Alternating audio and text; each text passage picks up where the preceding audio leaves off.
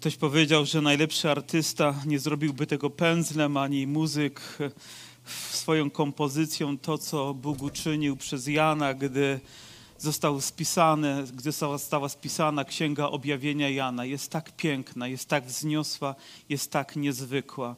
I choć pojawia się tutaj wiele niezrozumiałych symboli, być może jakichś słów, które pojawiają się w tej księdze, to myślę, że to jest trochę tak jak z językiem. Nieraz czytamy jakieś listy ludzi, którzy piszą do siebie i piszą w takim języku, które dla człowieka obok jest niezrozumiałe, ponieważ wyrażają swoją miłość, ponieważ wylewają swoje serce, ponieważ w ten sposób chcą pokazać, jak są sobie bliscy.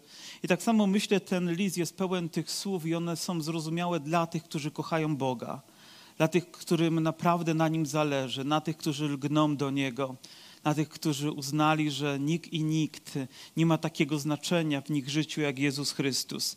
Ktoś powiedział też, że ten list został w ten sposób, Księga Objawienia została też w ten sposób napisana, ponieważ mogli ją czytać też ludzie z zewnątrz i jest tam wiele zagadek, jest tam wiele sformułowań dla nich niezrozumiałych, ale dla ludzi wierzących to słowo będzie zrozumiałe. Przyjdzie Duch Święty i wyjaśni, i objawi nam, i pokaże nam to, co ukazuje też głębia tej księgi.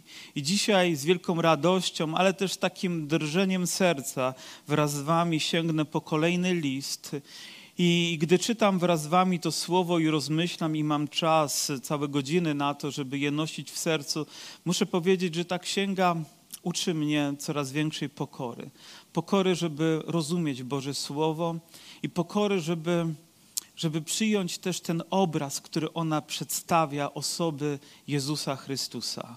Kiedy sobie uświadamiam, jak Jezus jest tutaj przedstawiony, w jaki sposób został przedstawiony kościołom, zborom w tamtym czasie, to wiem, że ten obraz również Duch Święty chce wymalować w naszych sercach. Chce, żeby tam pozostał. Filip Jansej w swojej książce Jezus, jakiego nie znałem, opowiada, jak to ludzie w różny sposób przedstawiają Jezusa. Od takiego lukrowatego, słodkiego, niczym cukierek, do człowieka, który gdzieś w Ameryce Łacińskiej czy Południowej jest przewieszony z karabinem M16, a więc rozpiętość jest bardzo duża ale chyba jedynym obrazem, jaki możemy przyjąć, to ten, który jest przedstawiony w Bożym Słowie. To Słowo jest tym pędzlem, który ma malować, a tym, który ma wymalowywać ten obraz jest Duch Święty i ten obraz ma w nas pozostać. Amen. I wierzę, że dzisiaj również będziemy tego doświadczać. List do zboru w Tiatyrze, rozdział drugi. Będziemy czytać Boże Słowo od wiersza 18, a powiada tak. A do anioła zboru w Tiatyrze napisz. To mówi Syn Boży. Nie ja to mówię. Chciałbym, żeby ta cisza tylko uzmysłowiła nam, jaką wagę mają te słowa. To mówi Syn Boży, który ma oczy jak płomień ognia, a nogi jego podobne są do mosiądzu. Znam uczynki Twoje i miłość, i wiarę, i służbę, i wytrwałość Twoją. I wiemy, że ostatnich uczynków Twoich jest więcej niż pierwszych. Lecz mam Ci za złe, że pozwalasz niewieście Izebel, która się podaje za prorokinię i naucza i zwodzi moje sługi uprawiać wszeteczeństwo i spożywać rzeczy ofiarowane bałwanom. I dałem jej czas, aby się upamiętała, ale nie chce się upamiętać we wszeteczeństwie swoim.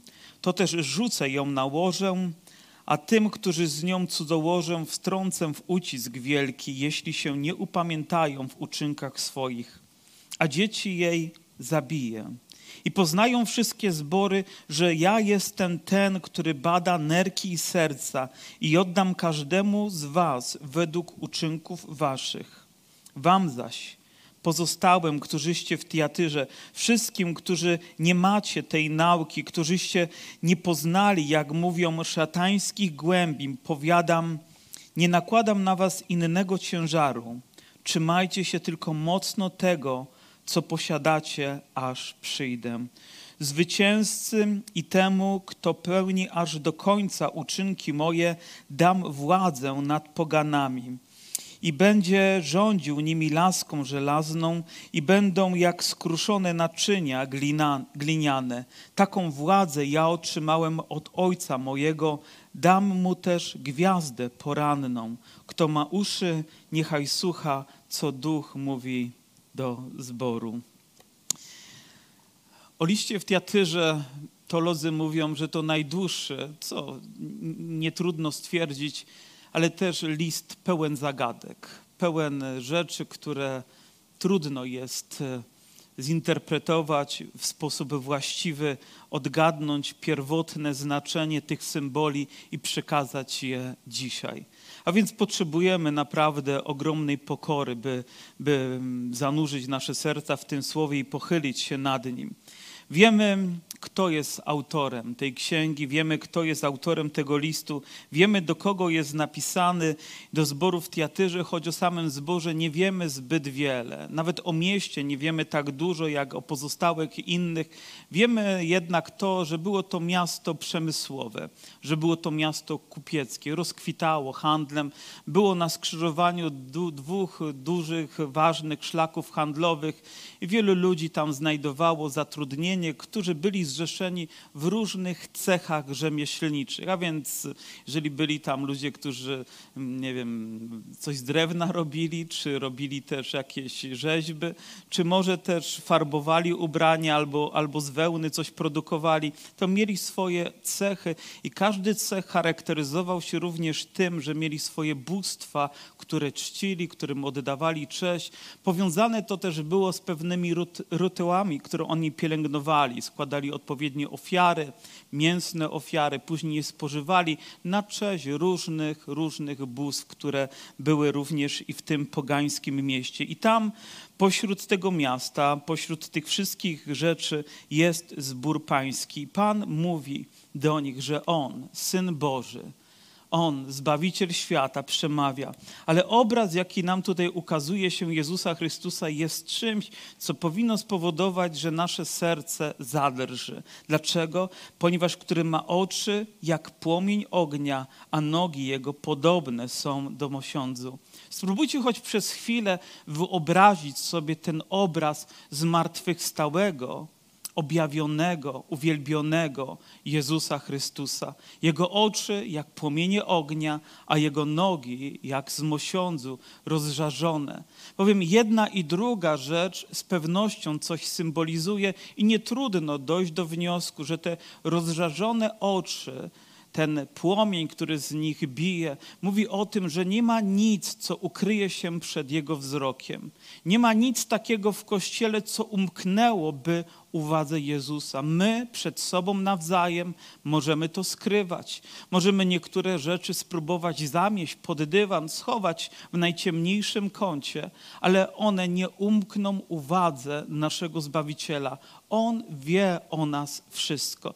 Myślę, że to dobra i trudna wiadomość. Dobra, ponieważ nas kocha, wie o nas wszystko, wie o każdej naszej potrzebie, ale również wie o tych innych rzeczach, które nie są tak chwalebne, które nie są tak wzniosłe. Gdy czytamy ten list, to z pewnością widzimy podział, który tutaj jest, że są rzeczy dobre w tym kościele, które Pan widzi, dostrzega, docenia i są rzeczy, z którymi Kościół musi się rozprawić. I to rozprawić się w sposób jednoznaczny i radykalny. Jego oczy mówią, ja widzę, a jego nogi mówią, jestem tym, który może pociągnąć was do odpowiedzialności. Mówią o sądzie. Mówią o Jego potędze, o odpowiedzialności, jaką mamy, gdy przychodzimy przed tron Boga. Pomyślałem sobie dzisiaj, przed jakim obrazem, oczywiście obrazem w cudzysłowie, bo nie fizycznym, ale tym objawionym w Bożym Słowie staje czy przed Jezusem, który jest słodki, który mówi: O nic się nie martw, wszystko będzie dobrze, wszystko załatwię, wszystko jest w moim ręku, czy przed Bogiem, który patrzy, przenika mnie swoim wzrokiem i nawet nie potrzebuje moich słów, by zajrzeć w każdą moją myśl i zobaczyć każdy czyn, który pojawił się w moim życiu i zdać przed nim odpowiedzialność. Jan mówi, że on nie potrzebował o nikim świadectwa, ponieważ wiedział, co działo się w życiu ludzi. Psalm 139 mówi psalmista, gdzie ucieknę, gdzie się schowam? Powiem, gdziekolwiek bym próbował i tam, Panie, Ty widzisz mnie i tam sięgnęłaby pewnie ręka Boża, Jego prawica każdego z nas. Nie ma takiego miejsca, gdzie człowiek mógłby się ukryć albo cokolwiek mógłby ukryć przed Wszechmogącym Bogiem, a to odpowiedzialność. To nie jest zabawa. To nie jest e, takie lekkie, a czasami nawet lekkoduszne podejście. I wiecie, uważam, że powinniśmy uciekać od ołtarza, gdzie ludzie lekko traktują Jezusa. Że nie stają przed Nim z odpowiedzialnością, z należną czcią i z należną mu chwałą. Gdybyśmy sięgnęli do księgi Daniela, bo tam akurat jest odnośnik, to gdy Daniel zobaczył ten obraz kogoś, kogo oczy są pełne płomienia i, i ciało jego całe wyraża chwałę i dostojeństwo, to on był jak nieżywy, musiał być podniesiony przez niego, by mógł zacząć dalej funkcjonować. I właśnie przed takim Bogiem pełnym majestatu i chwały staje Kościół w Tiatyrze. Czy my również, jako Kościół w Dąbrowie Górniczej, jako wierzący ludzie, stajemy przed Jezusem, który pasuje naszej wyobraźni, czy przed tym, który przez Boże Słowo jest objawiony i potrzebujemy, aby nasze serce przed Jego obliczem zadrżało? Ja wierzę, że ten obraz powinien głęboko z Księgi Objawienia również zapaść. To jest obraz zmartwychwstałego, to jest obraz uwielbionego, to jest obraz objawionego Syna Bożego, który mówi dzisiaj do Kościoła. Amen. A więc powinniśmy głęboko przyjąć to słowo i mówi: Znam uczynki Twoje, tak widzę. I wymienia tutaj cechy czy rzeczy, które powinny być bliskie każdemu Kościołowi. O, masz miłość, aleluja. O, masz wiarę, chwała Panu. Mamy służbę i mamy wytrwałość. Bo taki miał też zbór w Tiatyrze. I wiem, że ostatnich uczynków Twoich jest więcej niż pierwszych. I to są dobre rzeczy. Nawet w tym momencie jest więcej niż na początku, więc wygląda na to, że zbór się rozwija, prawda? Bo skoro, nie wiem, mają więcej służb, więcej dobrych dzieł, może nawet ich wiara wzrosła, poznanie i miłość również wzrosły. I te rzeczy powinny być również ważnymi filarami w Kościele. Ale czy są wystarczające? Czy powinniśmy oceniać tylko Kościół poprzez to, co robi, poprzez służby, które wykonuje chwała Bogu za każdą z nich? Za zaangażowanie nasze, za poświęcenie, za trud i, i nikt nam tego nie może ująć i, i Bóg również to widzi i docenia. Ale wygląda na to, że to wciąż jest niewystarczające. Oto powiedzmy, idziecie do jakiegoś zboru, jesteście zachwyceni atmosferą, sposobem działania, funkcjonowaniem na wielu rzeczach, na wielu frontach ten Kościół e, odnosi sukcesy ale to jest nasze spojrzenie. Ale jak spogląda ten, którego oczy są jak płomienie ognia, a nogi jak są rozżarzone aż do czerwoności? Jak on widzi ten Kościół? Jak on na niego spogląda? Co może dostrzec, co umyka naszej uwadze, a powinno zwrócić i ją? Chciałbym, byśmy rozwijali się. Chciałbym, byśmy podejmowali coraz więcej i więcej nowych inicjatyw, by nigdy nie zabrakło miłości, prawda? By nigdy nie zabrakło wiary, by nigdy nie zabrakło służby. I to jest ważna rzecz, służyć Jezusowi, bo do tego zostaliśmy powołani, każdy z nas. Nie możemy tylko przyjść i usiąść i być takimi bezczynnymi. Wraz ze zbawieniem otrzymaliśmy również misję, która powołuje nas, byśmy wykonywali Jego dzieła. A to wiąże się z trudem, z poświęceniem, z wyrzeczeniami. Ale to nie jest wszystko, czego Kościół potrzebuje. I później następują słowa, które o wiele mniej by się nam spodobały. Ja bym powiedział nawet, nie daj się zwieść pozorom, które Kościół przedstawia. że na zewnątrz wygląda wszystko bardzo, bardzo fajnie, ale głębiej, a może się okazać czymś, co w końcu nie spodoba się nam i nie spodoba się Bogu. Wierzę, że jako ludzie wierzący potrzebujemy nie tylko tego, co powierzchniowe, co na chwilę, ale tego, co świadczy o naszej głębokości, o naszym pełnym poświęceniu, ale też i, i wierności w wierze i w naszych wszelkich uczynkach, poprzez które Jezus powinien być, być uwielbiony. I on mówi oto tak, lecz mam ci za złe. I nie mówi tutaj, mam ci trochę za złe, jak w innych miejscach, mam ci nieco za złe, ale mam ci za złe. Pan Jezus piętnuje to, nie pozwala, by ktokolwiek inny miał inne zdanie na ten temat. Grzech jest grzechem, zło jest złem i należy je nazywać po imieniu, bo inaczej stajemy się, jak później będziemy czytać w innych, nijacy.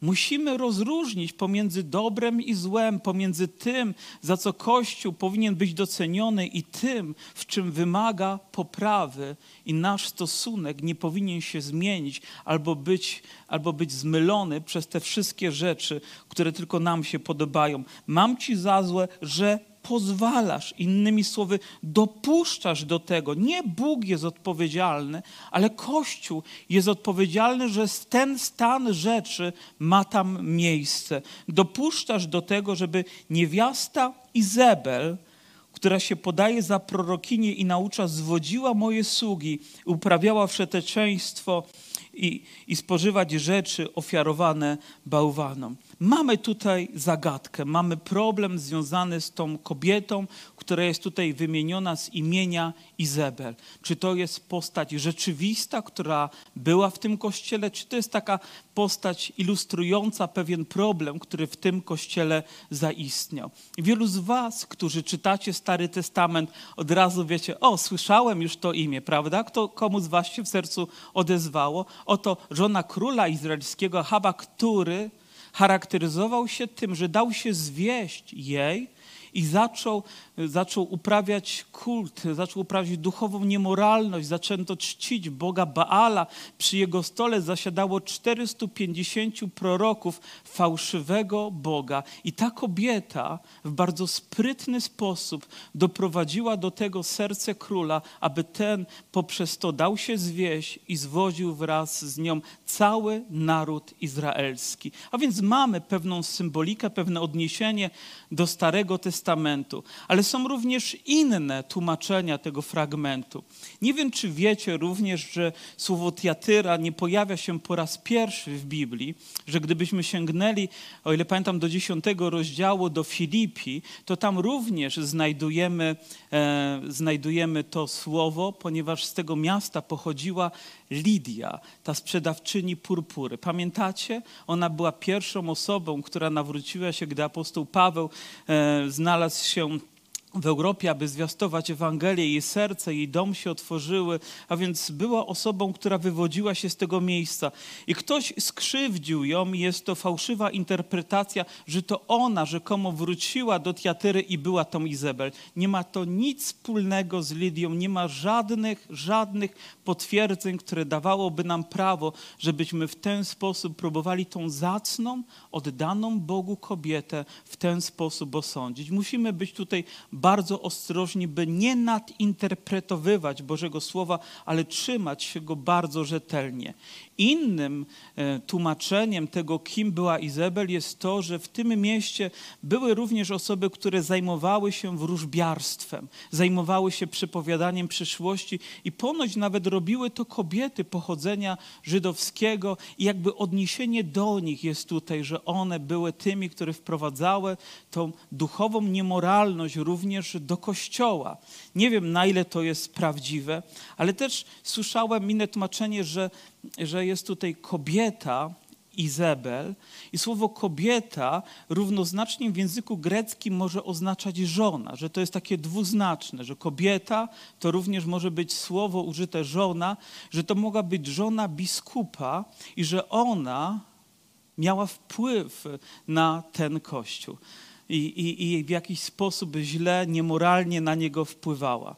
I, są zbory, gdzie kobiety no, są również w służbie pastorskiej, mają wpływ i są nawet małżeństwa, które przedstawiają się, że pas, pastor kobieta taka i pastor taki i najczęściej mężczyzna jest tutaj nawet na drugim miejscu, czy pastor jest na drugim miejscu. Proszę, zrozumcie mnie dobrze. Nie chcę być oskarżycielski, nie chcę być osądzający. Chcę tylko po prostu wyciągnąć pewne wnioski też z życia, które obserwuję, gdy chodzi o Kościół. I zauważyłem, że tam, gdzie rola kobiety, żony pastora, żony biskupa zaczyna być taka przewyższająca rolę samego pastora, rodzą się problemy. Naprawdę rodzą się problemy. Ja wierzę w to, że tak jak w naszym przypadku to jest, że moja żona jest po prostu żoną pastora, że nie ma tytułu pastora i mam nadzieję, że nie próbuje się ubiegać w najbliższym czasie. Spoglądam na nią i, i odetchnę z ulgą, jak wrócę dopiero do domu, ale, ale wiem, że ta, takie sytuacje mogą rodzić problemy i i, jestem tego świadkiem. Nie będę przytaczał wam konkretnie tego zboru, tego miasta, tej sytuacji, ale gdzieś, gdzieś nawet niedaleko takie sytuacje miały miejsce. A więc musimy być uważni, ponieważ ja wierzę, to jest moje osobiste zdanie i wierzę też, że moi starsi zboru myślą tak samo, że przywództwo w zborze nie umniejszając roli kobiety w jej służbie, w jej zaangażowaniu, w oddaniu, ale główne przywództwo w zborze należy do mężczyzn. Nie umniejszając, ponieważ widzę pełne oddania, pełne ducha, pełne zaangażowania niewiasty, siostry i wspieramy je i modlimy się, by ta służba była wykonywana i robią, robią to nieraz lepiej nawet niż my w wielu, wielu dziedzinach, ale główne przywództwo, wpływ na Kościół, nauczanie, nadawanie głównego nurtu Kościołowi w moim najgłębszym zrozumieniu i odczuciu należy do mężczyzn. I póki co póki ja jestem pastorem, to takiej nauki będziemy, będziemy się trzymać i mam nadzieję, że dzięki temu możemy uniknąć też niepotrzebnych turbulencji z tym, z tym związanych. Ale naprawdę nie chcę brnąć w ten temat, bo mogę się zagmatwać tak głęboko na tym, że nie będzie to zrozumiałe ani dla mnie, ani dla was, a wrogów na pewno sobie przysporzę. W każdym bądź razie to jest jedna z interpretacji, ale faktem też może być, że była tam kobieta, która uzurpowała sobie prawo do tego, by prorokować, choć nikt tutaj nie mówi o tym, że miała takie predyspozycje, miała takie obdarowanie, żeby to robić. Robiła to w jednym celu, aby zwodzić ludzi w kościele, aby wyprowadzać ich z kościoła i łączyć ze światem, aby mówić, co tam apostołowie mówili na temat życia moralnego, duchowego. Ja tu wiem lepiej, wy mnie lepiej tutaj posłuchajcie, ja wam powiem, należy Boże Słowo rozumieć, jak należy interpretować.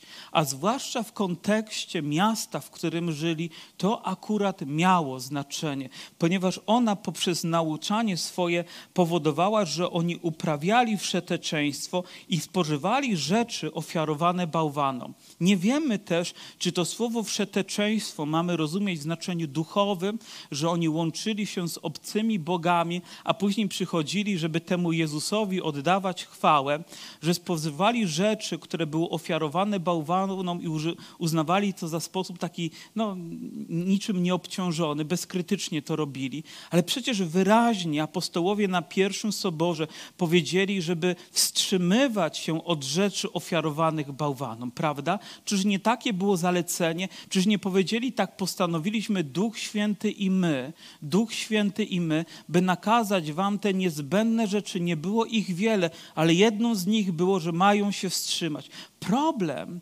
polegał na tym, że jeżeli ktoś był w tym cechu rzemieślniczym, a wiecie, że to było miasto handlowe i, i, i, dużo przemysłu, też tam było dużo tych cechów, oni, gdy spotykali się, ofiarowywali mięso bóstwu, jakąś tam część, a resztę po prostu zjadali. Była to taka ofiara rytualna. I pracowali, powiedzmy, byli w to zaangażowani też ludzie wierzący. Więc jeżeli pracowałeś w takim cechu, a nie ucztowałeś razem z nimi, to miałeś problem.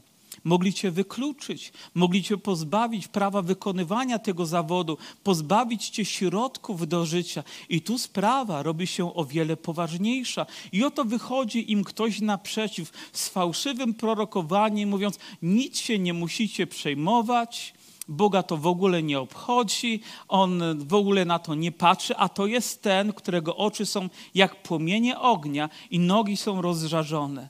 A więc mogli pójść aż tak daleko, by łączyć się z bóstwami tego świata i uznawać to za rzecz normalną.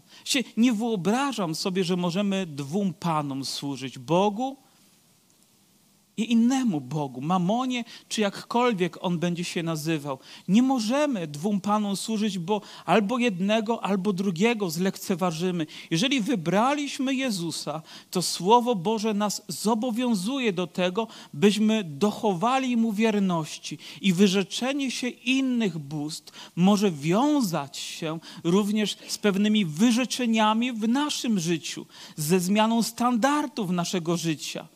Być może nawet wykonywanie niektórych zawodów, niektórych rzemiosł może wiązać się z tym, że to godzi, powiedzmy, w nas jako ludzi wierzących, że nie powinniśmy mieć w tym udziału. Można by pewnie znaleźć tutaj jakieś drastyczne przykłady.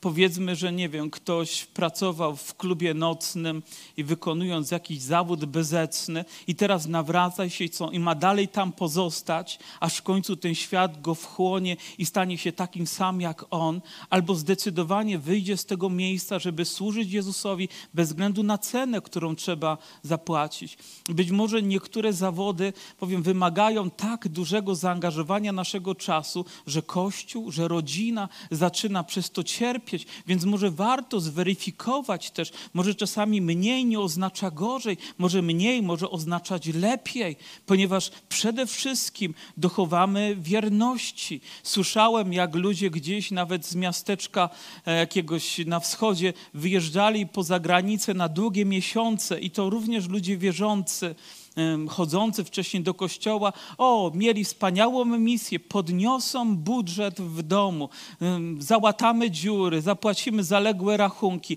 ale kiedy pojechali i nie było ich tydzień, nie było ich miesiąc, nie było ich kilka miesięcy, okazało się, że już nie było nawet powodu, żeby wracali, ponieważ tam wpadli w grzech, tam odizolowani od społeczności, odizolowani od rodziny, mieli problemy osobiste i nie poradzili sobie z nimi i rodziny cierpiały, dzieci, kolejne pokolenia. Nie ma wielu tych ludzi dzisiaj nawet w zborze, a więc musimy być bardzo, bardzo ostrożni, by nie dać się zwieść. A może ktoś stanął i prorokował, o jedź i wykonuj ten zawód, alleluja. A kto ci dał prawo, bracie, byś ten sposób prorokował? Mówię, to była tylko twoja fantazja, to były twoje emocje, może nawet pobożne życzenie, ale to nie miało nic wspólnego z Bożym Słowem, ponieważ zwiodło tych ludzi na manowce. O, załóżmy taki biznes, a Bóg na pewno będzie błogosławił. A ile czasu spędziłeś na kolana, by rzeczywiście odebrać Bożą wolę, by wykonywać to, bo może się okazać, że to jest jakąś diabelską pułapką dla Twojego życia i później Twoje życie jest w wielkiej, wielkiej ruinie. A więc musimy być bardzo uważni. Wiecie dlaczego? Bo Jezus nas kocha. Jemu na nas naprawdę zależy. Amen. I nie, niektóre słowa są bardzo radykalne, może są jak kubeł zimnej wody wylane na naszą głowę, ale po to, by uratować nasze życie, by ocalić nas, byśmy nie utracili tego, co uzyskaliśmy od naszego Pana. A tak łatwo pójść za tym łatwiejszym, zwodniczym głosem, który tak lukrowato rozbrzmiewa i mówi: Nic nie musimy się przejmować. Ale Pan mówi: I dałem jej czas. To nie jest tak, że Bóg tylko wskazuje problem, ale też czeka na jego rozwiązanie. Dałem mi czas, aby się upamiętała. To inaczej mówiąc, to czas łaski, to czas pokuty. Może się zdarzyć, że ktoś zbłądzi, że ktoś upadnie, że komuś z nas coś nie wyjdzie w życiu tak, jakbyśmy chcieli. I jest czas na to, abyśmy powrócili do Boga jak syn marnotrawny, który odszedł, ale wspomniał i wrócił. Gdyby dalej brnął, nie byłoby go na tym świecie, nie byłoby go w Królestwie Bożym, nie byłoby go w domu Ojca. Miał czas. Nie wiemy, ile on trwa. Być może to jest ostatni czas na to, żeby zmienić swoje myślenie, zmienić swoje serce, zmienić standardy swojego życia, bo ten, którego oczy są jak płomienie ognia, a nogi są rozżarzone, patrzy na swój kościół, patrzy na moje życie, patrzy na każdy aspekt mojego życia i chce wiedzieć, że moje życie przed nim jest w porządku. Jeżeli jest czas pokuty, czas upamiętania, to jest dzisiaj ten czas. Pamiętam kiedyś y, jeden z braci opowiadał, jak mieli ewangelizację namiotową i, i mnóstwo ludzi tam było, jacyś młodzi ludzie przyszli tak trochę dla żartu, siedli sobie w pierwszym rzędzie i tak beztrosko się zachowywali i w końcu kaznodzieja miał wyzwanie, żeby wyjść, bo teraz jest czas zbawienia, teraz jest czas łaski. A oni zaczęli się szturchać i mówią, wychodzą. A ten jeden mówi, nie, ja nie wychodzę. Przyjechali jednym samochodem. Mówi, ja chcę zostać. Mówi, ja coś po prostu dotknęło go, Duch Święty go dotknął i chciał pozostać do końca, żeby oddać życie Jezusowi. A mówi, co się wygłupiasz, chodź z nami. Ale on mimo to pozostał. Bowiem upłynęło kilka minut, jak ktoś wpadł do namiotu krzycząc, że stała się tragedia. Ci młodzi ludzie ruszyli z piskiem opon, ich samochód nabrał dużej prędkości i za chwilę zatrzymał się, już nie pana, na drzewie, na słupie, nie ma znaczenia i wszyscy zginęli. Mieli czas. I oczywiście ja nie chcę straszyć takimi historiami powiedzieć, jak wyjdziesz z tego miejsca, to niebo się na ciebie zawali. Ale wiem, że jest czas, który Bóg daje Kościołowi, który daje nam, abyśmy zmienili nasze życie, abyśmy ocząsnęli się z naszych grzechów, abyśmy ocząsnęli się z letargów i uświadomili sobie, przed jakim Bogiem stajemy. Bogiem mocy, Bogiem chwały, Bogiem, który patrzy na swój Kościół, który widzi nasze życie i który wyciągnie też w stosownym czasie konsekwencje. Nawet nie my, mamy je, ale On wyciągnie. My mamy do nich nie dopuszczać, ale gdy się staną, On powie, to nie żart. Ta sytuacja tak się nie skończy. Ale nie chce się upamiętać we wszeteczeństwie swoim. I to jest odpowiedź niestety wielu ludzi. To nie jest tak, że Bóg nie chce zmienić ciebie, tylko ty nie chcesz zmienić swojego stosunku do Niego. Nie chcesz zmienić swojego serca nie chcesz zmienić, nie chcesz porzucić, bo to jest ci wygodne. Bo pielęgnujesz to, ale Bogu z pewnością nie może się to w kościele podobać we wszeteczeństwem swoim, to też rzucę ją na łoże. To rzucę na łoże oznacza, że rzucę na ziemię. A więc jest to straszna rzecz, choć próbujemy sobie to wyobrazić, to nie chcę tego nadinterpretowywać, a tych, którzy z nią cudzołożą, wtrącę w ucisk wielki, jeśli się nie upamiętają w uczynkach swoich. Widzicie, kiedy przychodzimy do Jezusa, to Jezus uwalnia nas z grzechu, ale uwalnia nas również z jego konsekwencji. Wielu z nas, którzy nawróciliście się do Pana, być może żyjecie tylko dlatego, że łaska was uratowała. Że te konsekwencje, które wam groziły z powodu tego, że trwaliście w grzechu, zaprowadziłyby was nie tylko do piekła, ale już dzisiaj bylibyście na cmentarzu i żyjecie tylko z łaski Bożej. I, I być może ja nawet do nich należę, ponieważ nie wiem, jak moje życie mogłoby się potoczyć bez Boga, jak ono by wyglądało. Wiem, że każdy dzień należy do Niego i nie, nie muszę się martwić o dzień jutrzejszy, wiedząc, że jestem razem z Nim, ale wprawia też grzech to, że przychodzą Jego konsekwencje, przychodzi ten ucisk, przychodzą trudności, a później kto jest winny? Oczywiście Pan Bóg. A dlaczego? Bo daliśmy się zwieść, bo daliśmy posłuch fałszywej, może lekkiej, wygodnej dla nas Ewangelii, a nie tej, która wypływa bezpośrednio z Bożego Słowa, aby wymalować w nas ten święty obraz Jezusa, który patrzy na nas i który też wyciąga konsekwencje wobec swojego Kościoła. I mówi nawet dalej, a dzieci jej zabije. I poznają wszystkie zbory, że ja jestem ten, który bada nerki i serce i oddam każdemu z was według uczynków waszych. Gdy czytamy te słowa, to tym bardziej skala trudności się piętrzy w zrozumieniu, ale, ale zapłatą za grzech jest śmierć.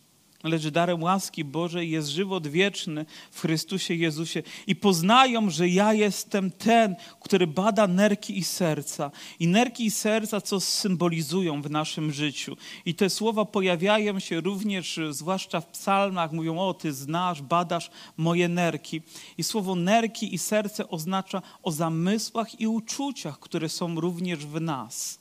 To, co jest najgłębsze w nas, jest znane. On bada to. On wie nawet, jakie emocje czasami nami targają, jak mogą głęboko nas niepokoić, jak mogą być szkodliwe nawet dla innych. Zna każdą naszą myśl i zamysł, która powstaje w nas. O, nie chciałbym, by ktokolwiek dzisiaj z Was wyświetlił wszystkie moje myśli, bo wierzę, że tylko łaska Boża może sprawić, że one gdzieś idą w zapomnienie i w przebaczenie, ale każdą myśl, która się pojawi.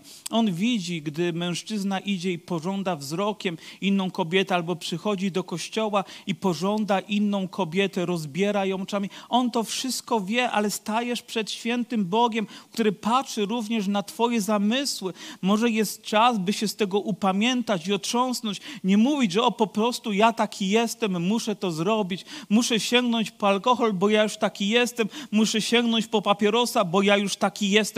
Nie, po prostu masz się upamiętać, masz to zostawić i masz zacząć żyć dla Jezusa, bo taka jest Jego wola. I wierzę, że kiedy zrobisz pierwszy, Bóg, e, pierwszy krok, Bóg doda ci sił, abyś mógł stać się prawdziwie wolnym. Wy również wierzycie w to?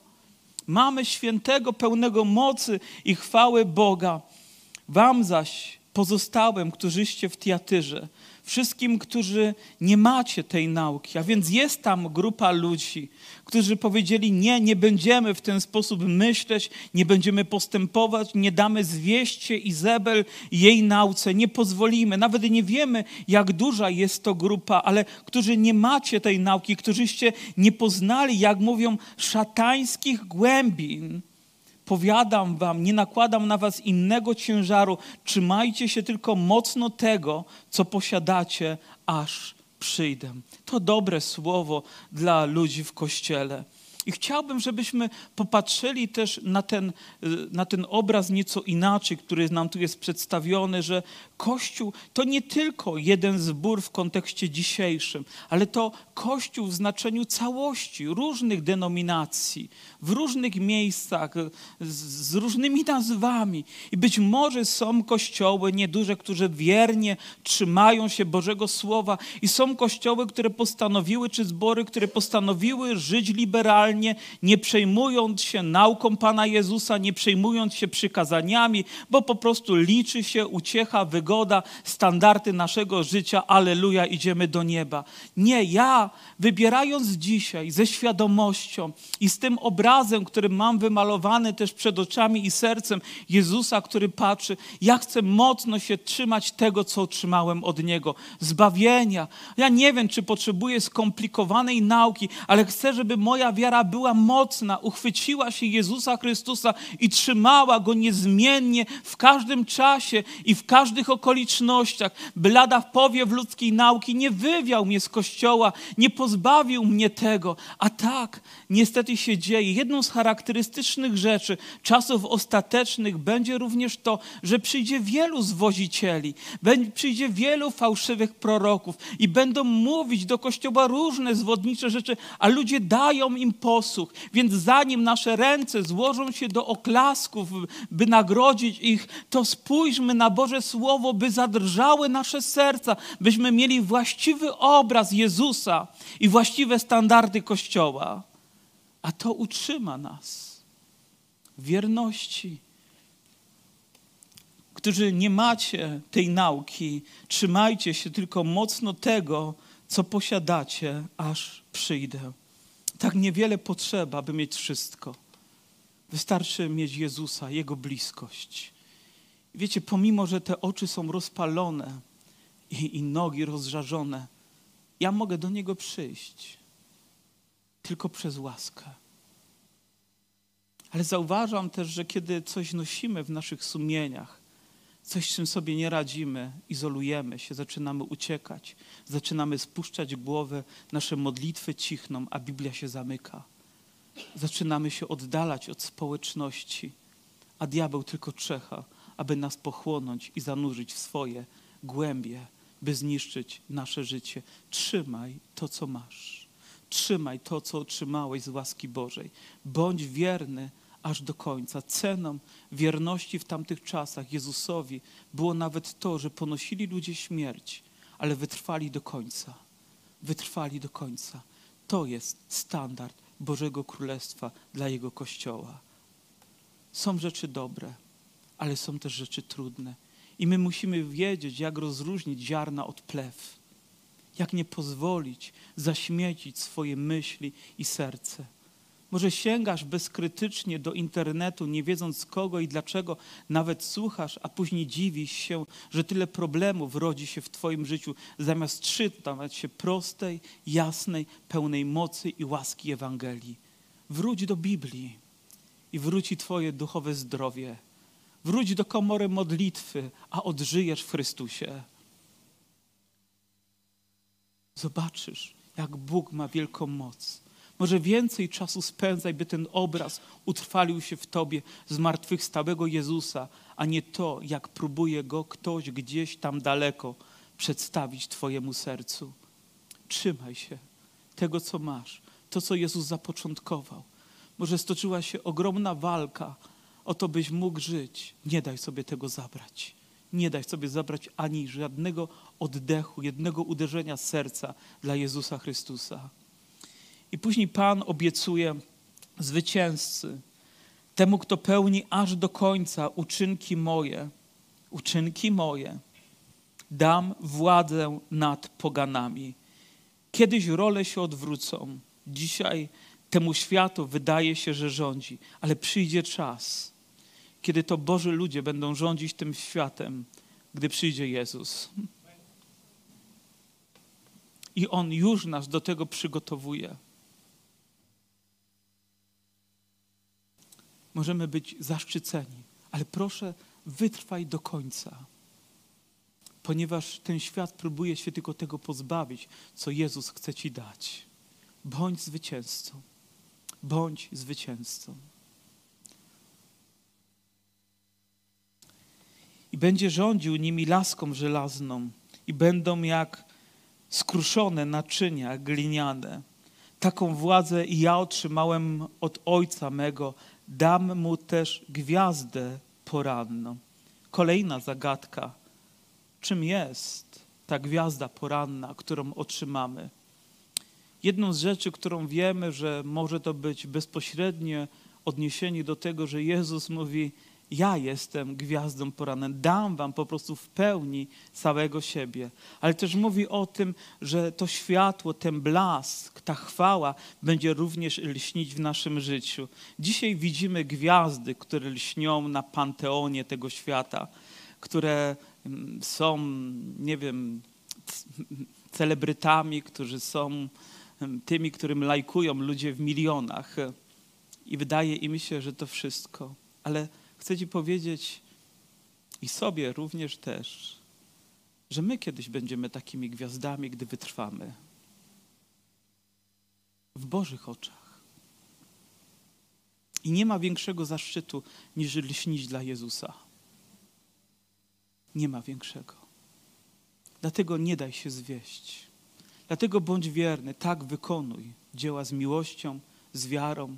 Wykonuj je z poświęceniem, służ całym swoim sercem, ale proszę, nie pozwól, by Twoje serce dało się zwieść temu, co łatwe, temu, co wygodne. Tak jak Nikolaitom, to również moglibyśmy i tutaj zobrazować, połączyć się z tym światem i żyć w jego, według jego normy. Kto ma uszy, niechaj słucha, co duch mówi do zboru. Wiecie, chciałbym Was przeprosić za to, że mam zbyt ubogi język, by wygłosić kazanie, które może ukazać piękno i chwałę Jezusa tak, jak On na to zasługuje.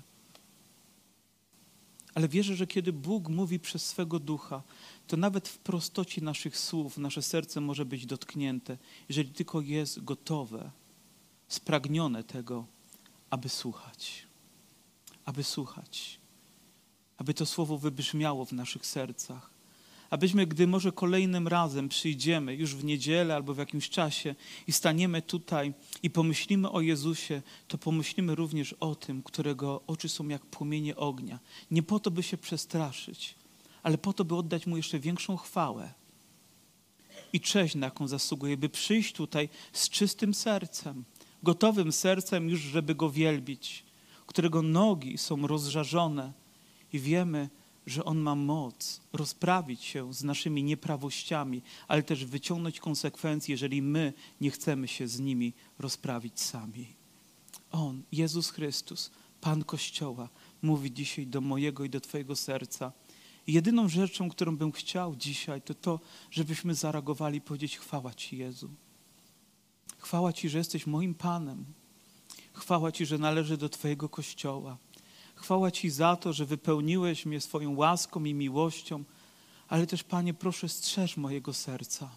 Strzeż moich myśli. Nie pozwól, bym dała, bym dał się zwieść fałszywej nauce, tej ludzkiej ocenie, może liczbom i kryteriom, które czasami mówią o standardach Kościoła.